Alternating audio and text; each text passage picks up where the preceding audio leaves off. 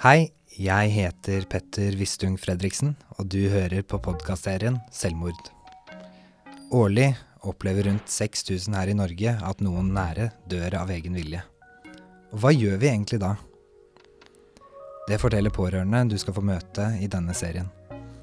Og det her er ingen podkast for å finne løsninger, men jeg håper at vi sammen kan finne ordene for å gjøre nettopp selvmord lettere å snakke om.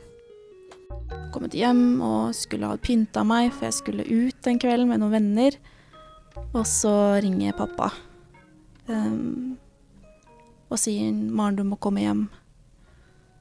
Og du skjønner det med en gang at ja, du får en sånn følelse da, som man egentlig ikke kan beskrive.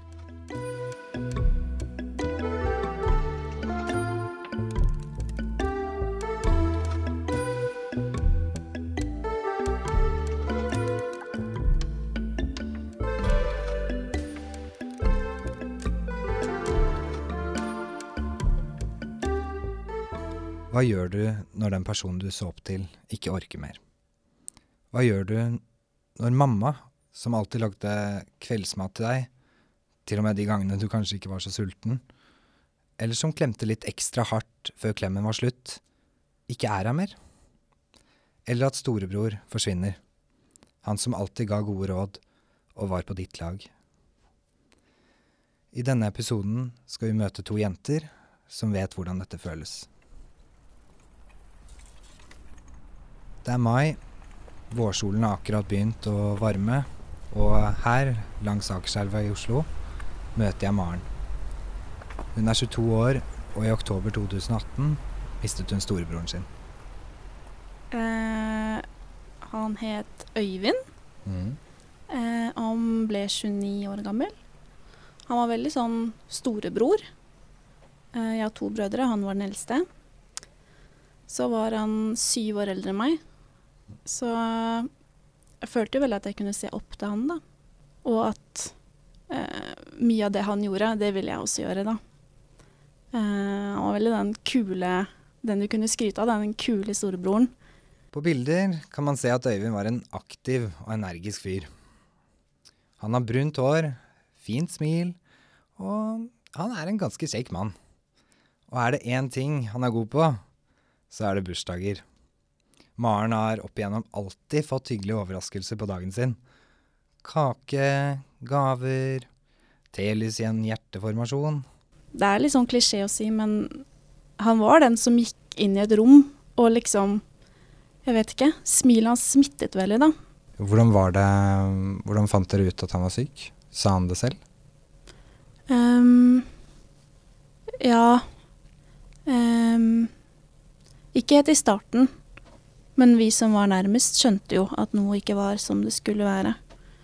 Um, og skjønte ikke hva som var på en måte årsaken. Men vi merket det jo, vi rundt. Og så etter hvert så begynte han å fortelle mer. om det. Så han var Om åpen om det? Han var veldig åpen om det. Uh, og det har jo vært godt. I det verste av det verste så var vi i hvert fall ærlige med hverandre, og vi hadde veldig sånn en gode samtaler, da. Eh, og snakket liksom gjennom alt. Og ja, han var veldig ærlig. Fortalte at ja, nå har han ikke noe bra. Og det Han fortalte hva som var galt, eller? Jeg tror det var alt eh, som bare krasja på et punkt. Over få måneder falmer mer og mer av den Øyvinden de alltid har kjent. Smilet kommer sjeldnere og sjeldnere frem, og han slutter med ting som før gjorde han glad. Tiltak ble gjort, og Øyvind selv legger inn stor innsats. Det trenes, tilbringes tid hos psykolog, det sosialiseres, men av og til er ikke noe nok. Han døde på en tirsdag, eh, og den siste helgen så var vi, kjernefamilien eh, og en familievenn på hyttetur på hytta vår. Eh, og der var vi på høsten, så han og pappa jakter en del. Og da var det vi og jaktet, og han gikk vel åtte timer eh, om dagen. Og når du er så langt nede, så er det nok det er ganske tungt, tror jeg. Og jeg vet jo, jeg har ikke vært deprimert, men jeg så jo at det ja, Mm. tok på. Så den siste dagen så var det med å jakte. Og gikk vi ute i fjellene. Eh, og det regna, og det var tåke, og det var drittvær. Men det var også ganske fint å se at han prøvde. Um, han var jo ganske syk, så han snakket jo ikke så mye de siste dagene. Vi var bare veldig nære med hverandre. Det var den tirsdag kveld. Um, da hadde jeg akkurat kommet hjem. Jeg hadde reist rett fra hytta rett til jobb, og så kommet hjem og skulle ha pynta meg, for jeg skulle ut den kvelden med noen venner. Og så ringer pappa um, og sier 'Maren, du må komme hjem'. Og du skjønner det med en gang at ja, du får en sånn følelse da, som man egentlig ikke kan beskrive. Så tror jeg at han egentlig ikke hadde tenkt å si det over telefon, men ja, han var jo i sjokk. Uh, så da sa han du må komme hjem. Øyvind har tatt livet av seg.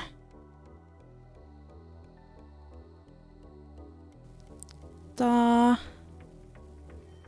tror jeg kroppen bare gikk inn i sånn derre overlevelsesmodus. Hvor du bare ble helt sånn kald. Og der og da tenkte jeg åh, jeg må pakke og gjøre disse tingene nå som jeg tenker klart. Og venninnen min som jeg bor med, hun var jo heldigvis til stede. Og jo fikk jo sagt Maren, vi henter tingene dine senere. Nå tar vi en taxi hjem til deg. Nei, nei, jeg må pakke, for jeg kommer til å måtte være hjemme en stund. Så husker jeg at jeg pakket med meg joggesko, for jeg tenkte åh, jeg kommer til å ville gå mye turer og tenke over det som har skjedd. Og så tok jeg I mitt hode tok jeg med meg ganske mye jeg kom til å trenge. Men når jeg var kommet hjem den kvelden, så ser jeg at jeg har jo pakket 15 truser og et par joggesko. det var liksom Ja. Og da trodde jeg at jeg hadde tenkt klart, og det sier jo litt om hvordan ja, man fungerer, da. Så jeg var den som kom hjem sist. Eh, og da var hele familien der. Eh, kriseteam, eh, ambulanse, politi. Det sto flere politibiler der, og det var nesten sånn eh, helt surrealistisk, da, å skulle kjøre inn den innkjørselen og se dette her, da. Du følte nesten at du var med i en sånn film, at det ikke skjedde deg. Men så var det jo min familie som satt der, rundt bordet. Så du Ja. Og du blir på en måte, selv om det er et sjokk, så har underbevisstheten din på en måte visst at det er en mulighet for at det kan skje. Eh, selv om man vifter bort den muligheten, liksom man tenker nei, men det skjer jo selvfølgelig ikke med han. Men du har på en måte vært eh, innstilt på at det kan skje.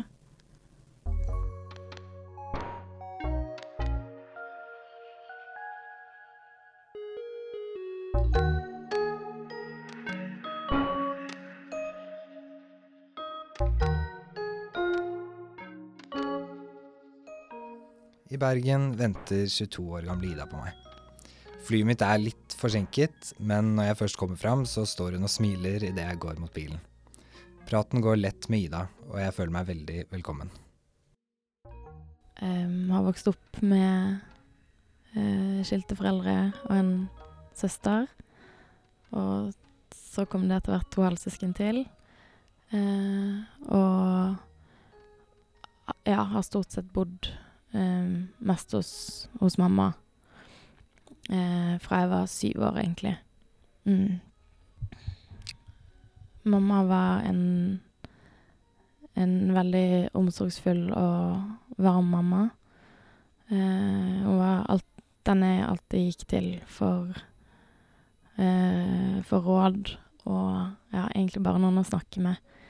Um, og ja, hun hadde mye humor og et stort smil og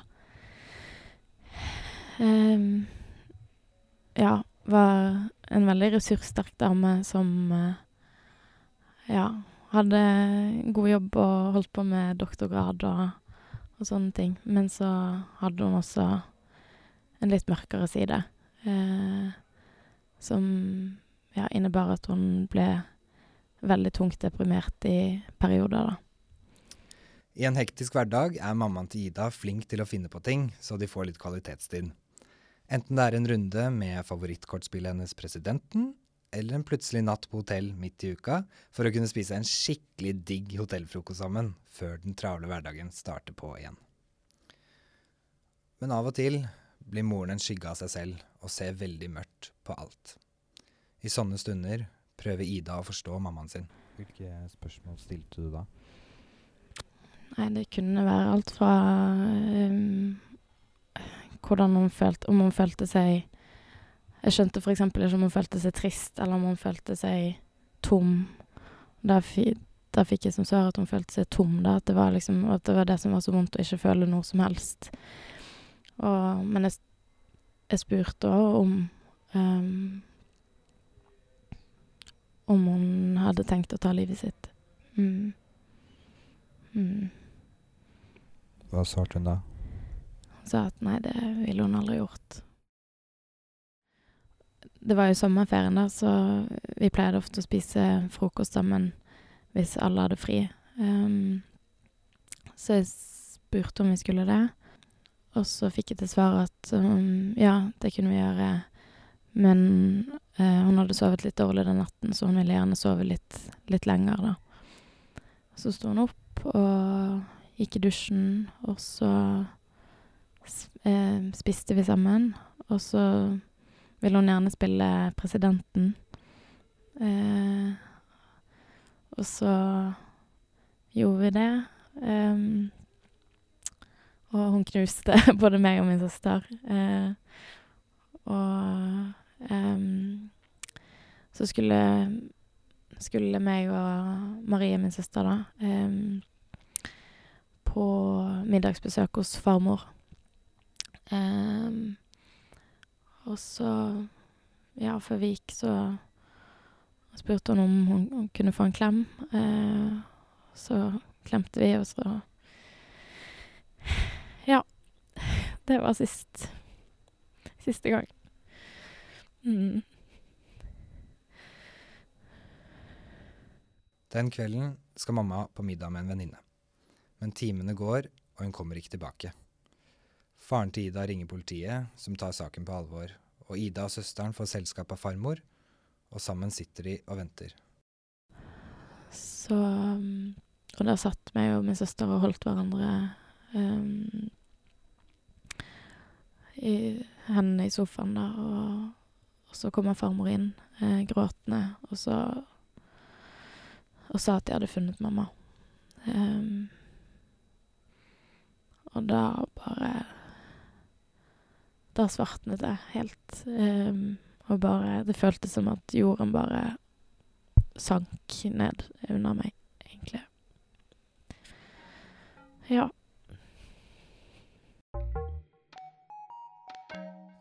Når vi går inn i sjokk, er det kroppen som går i beredskap. Da kan vi føle sterk hjertebank, bli svimmel, samtidig som vi blir litt andpusten. Kanskje blir du skikkelig kald eller sliter med å sove. Et sjokk kan gå over etter noen dager eller uker, men det kan være skremmende når det kommer og går, slik det gjerne gjør i starten. Dette er kroppens måte å bearbeide og forstå sterke inntrykk. Ja, for jeg tenkte jeg glemte å spørre deg, har du mista noen i selvmord? Nei. Du, nei. Eh, det har jeg ikke. Men jeg kjenner veldig mange som har det. Ja. Så Jeg tror det er veldig vanlig å sitte igjen med følelsen at man kunne gjort mer, at man skulle gjort mer. Men jeg tror at vi som sto han nærmest, gjorde alt vi kunne. Hvor leter du etter lyset når ting føles helt bekmørkt? Hvor kan man få litt trøst? For Maren var det godt at Øyvind hadde lagt igjen et brev. Og i brevet han skrev, så forteller han at det var ingenting vi rundt kunne gjort annerledes. Um, det var det bare han som kunne gjort. Men han vet ikke selv hva det skulle Hva han kunne gjort annerledes. Så det brevet hjelper ganske i ettertid. Og vi valgte også å la presten lese det opp i begravelsen. Det var nok ikke så mange forberedt på, men det var veldig viktig, følte vi, å vise hvem han var til siste stund. For det brevet viser veldig den omsorgsfulle, gode um, Øyvind, da, som tenkte på de rundt seg til siste til det siste.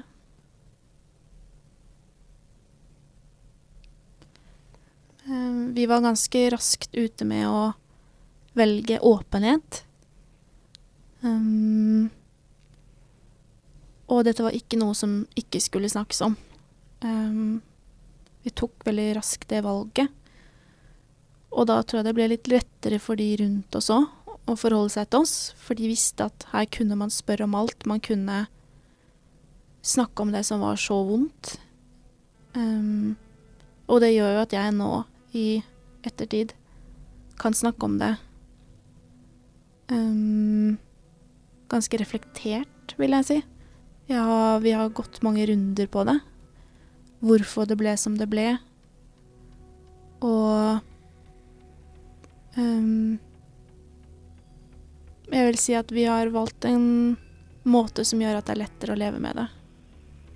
Selv om noe så vondt skjer deg, din familie eller din nærmeste, går jo likevel verden videre for alle andre. Vennene dine drar fortsatt ut i helgene, og innleveringsfristen på studiet nærmer seg. Det er kanskje nettopp det vanlige som er spesielt vanskelig å komme tilbake til. Når hverdagen begynner igjen, det, jeg tror det er da man tydeligere ser forskjellene, da. Eh, eh, så eh, jeg Jeg taklet det vel ved å gå Det eneste naturlige for meg var på en måte å gå helt inn i det, eh, med hud og hår og Ja. Eh, noen ganger så har jeg kanskje tenkt at jeg dyrket sorgen sånn i starten.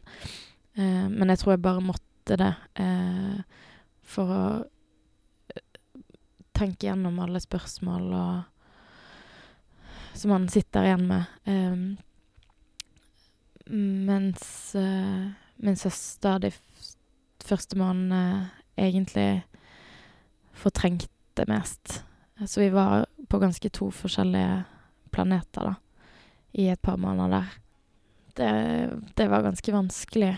Eh, og For det var vanskelig for meg, for jeg følte eh, at hun ikke så mine behov, og hun følte sikkert at jeg ikke så hennes behov for å ville stenge det unna, på en måte. Så det, det, var, det var ganske tøft. Mamma og dem er jo veldig på at du kan si alt til oss, vi tåler Mm. alt. Men nei, dere tåler ikke alt. Nei.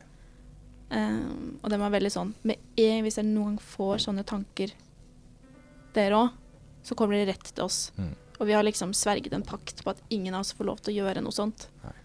Men det hadde jo Øyvind også. Han sa jo senest i sommer jeg kommer aldri til å ta livet mitt. Det er kanskje vanskelig å tro på det, men vi mennesker er på en måte laget sånn at vi klarer å leve med det vonde vi opplever. Like viktig i denne prosessen er de rundt oss. Hvordan de støtter oss, hvordan de snakker med oss, og hvordan vi klarer å åpne oss for dem. Jeg var veldig redd for at folk skulle trekke seg unna meg, fordi Jeg tror det er fordi jeg har liksom hørt at det, at det kan skje, at, at folk syns det er Det er jo vanskelig å forholde seg til døden, og spesielt til selvmord. Ehm, men da var det på, Jeg tror mye på bakgrunn av det, så var det spesielt viktig for meg å være åpen med, med vennene mine fra start. Uh, og på en måte eh, kunne fortelle min sannhet, da, på en måte. Og, og så var det viktig for meg å, å gjøre det klart for vennene mine at eh, at eh, jeg satte heller pris på å bli spurt spurt om ting, og det var det lite som Det lite jeg syns er um, feil å bli spurt om. Det lite jeg syns det, det, og det lite jeg syns er vanskelig å snakke om. Eller, det er vanskelig, men det er på en måte det, det, er ingenting de kan spørre meg om som jeg ikke har tenkt på på forhånd, på en måte. Og det var viktig for meg å si helt fra start.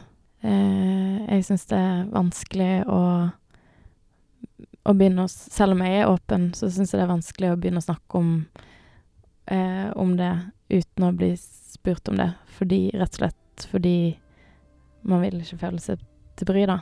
Eh, så det, det, sa jeg at jeg setter pris på å bli spurt eh, hvordan det går, eller hvordan dagen er. Eh, ja. Det er jo noe av det som er det kjipeste, syns jeg. At um, de rundt tenker ikke at uh, man skal snakke om den personen så mye. Fordi de vil ikke minne oss på, på det. Å, nei, jeg, jeg, har tenkt masse på deg, men å, jeg, vil ikke, jeg, vil ikke, spørre deg, for jeg vil ikke minne deg på det. Um, så det er jo litt opp til meg, da, å ta det opp. For de kan jo ikke tro at du har glemt det.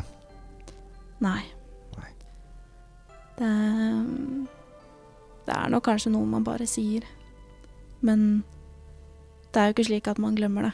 Man går jo med han i tankene hver eneste dag. Så det er jo ikke sånn at hvis noen tar det opp, så Å! Å, nå ble jeg påminna på det. Det hadde jeg helt glemt, jeg. Ja. Mm. Jeg hadde glemt at broren min var død. Sånn er det ikke. Nei. Så det er veldig godt når noen kommer og spør, og du får lov til å snakke om den du tenker på mest. Altså, i ettertid, da. Hvordan har det, hvordan har det vært, med, vært, med, venner? Hva er det du Hvordan ville du at de skulle forholde seg til deg? Hvordan har de forholdt seg til deg? Um, jeg har vært ganske tydelig hele veien på at dette er noe som skal snakkes om. Det er ikke noe jeg føler jeg ikke kan si. Um, og at det er ikke noe som er feil å si. Så jeg føler jeg har gjort det ganske enkelt for de rundt meg til å forholde seg til meg.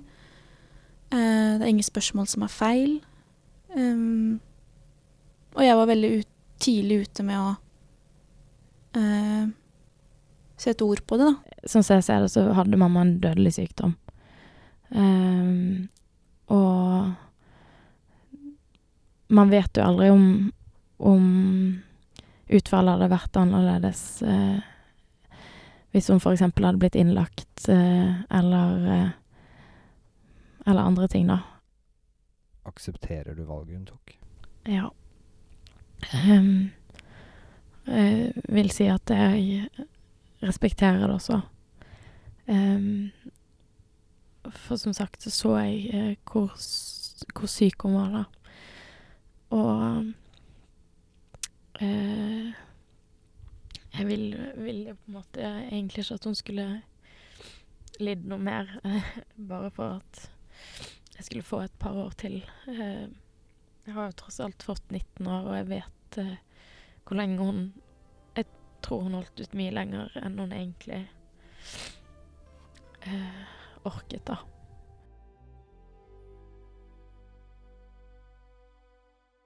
Sånn som våren nå, når alle er liksom ute, og det er sola skinner, alle er glade. Um, det minner meg veldig om Øyvind. Uh, han var liksom Han var den som først var ute med skateboardet ned Grünerløkka og uh, hang med venner og gjorde masse ut av hver eneste dag. Um, så jeg syns nesten dette er mer sårt enn juletiden, for da Alt rundt meg minner meg veldig om Øyvind, da. I disse møtene jeg har hatt med pårørende, har aksept blitt et stikkord. Maren forteller meg at hun ikke synes Øyvinds valg er greit, men hun kan, og må på et vis, akseptere det for å komme seg videre. Da jeg var hos psykologen, så um, snakket vi jo om eh, broren min, og så sa jeg at eh, eh, Selv om dette er skjedd nå, så er det godt å tenke på at han hadde ikke gjort det igjen hvis han hadde vært der i dag og sett hvordan vi har det, og hvor tøft det er, da. Um, at det er en god tanke å tenke.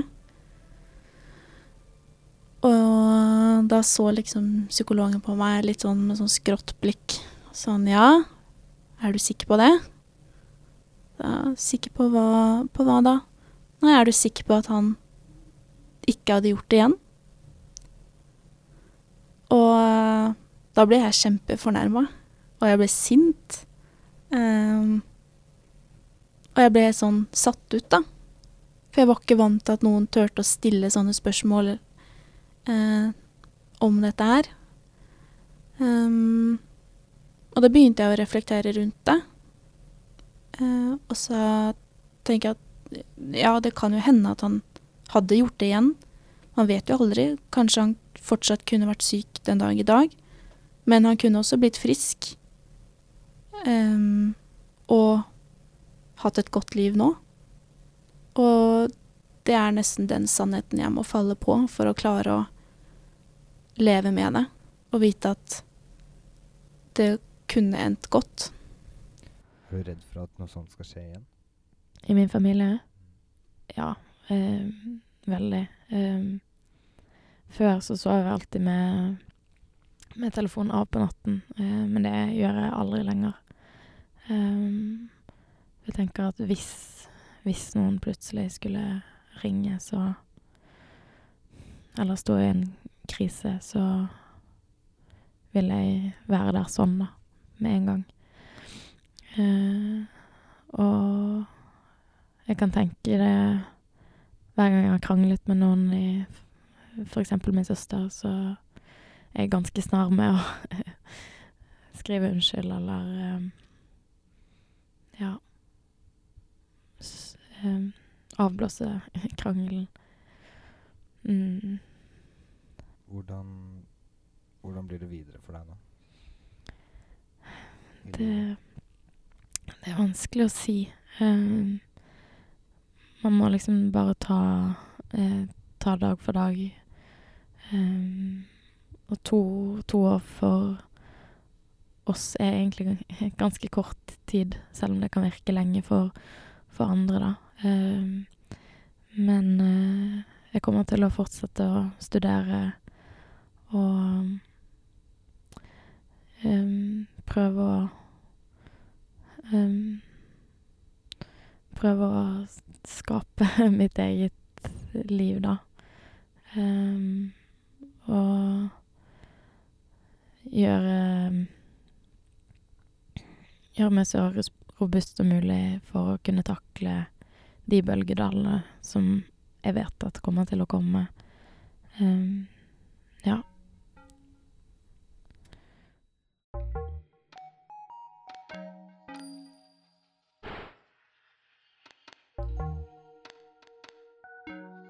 Du og jeg, vi må våge å stille spørsmål, og ikke være så redde for at ting høres dumt ut eller blir for sårt. Heller still ett spørsmål for mye. For selvmord, det må vi bli mer åpne om. Om du sitter med vonde tanker og føler på håpløshet, snakk med de rundt deg. Eller ring noen som kan hjelpe. F.eks.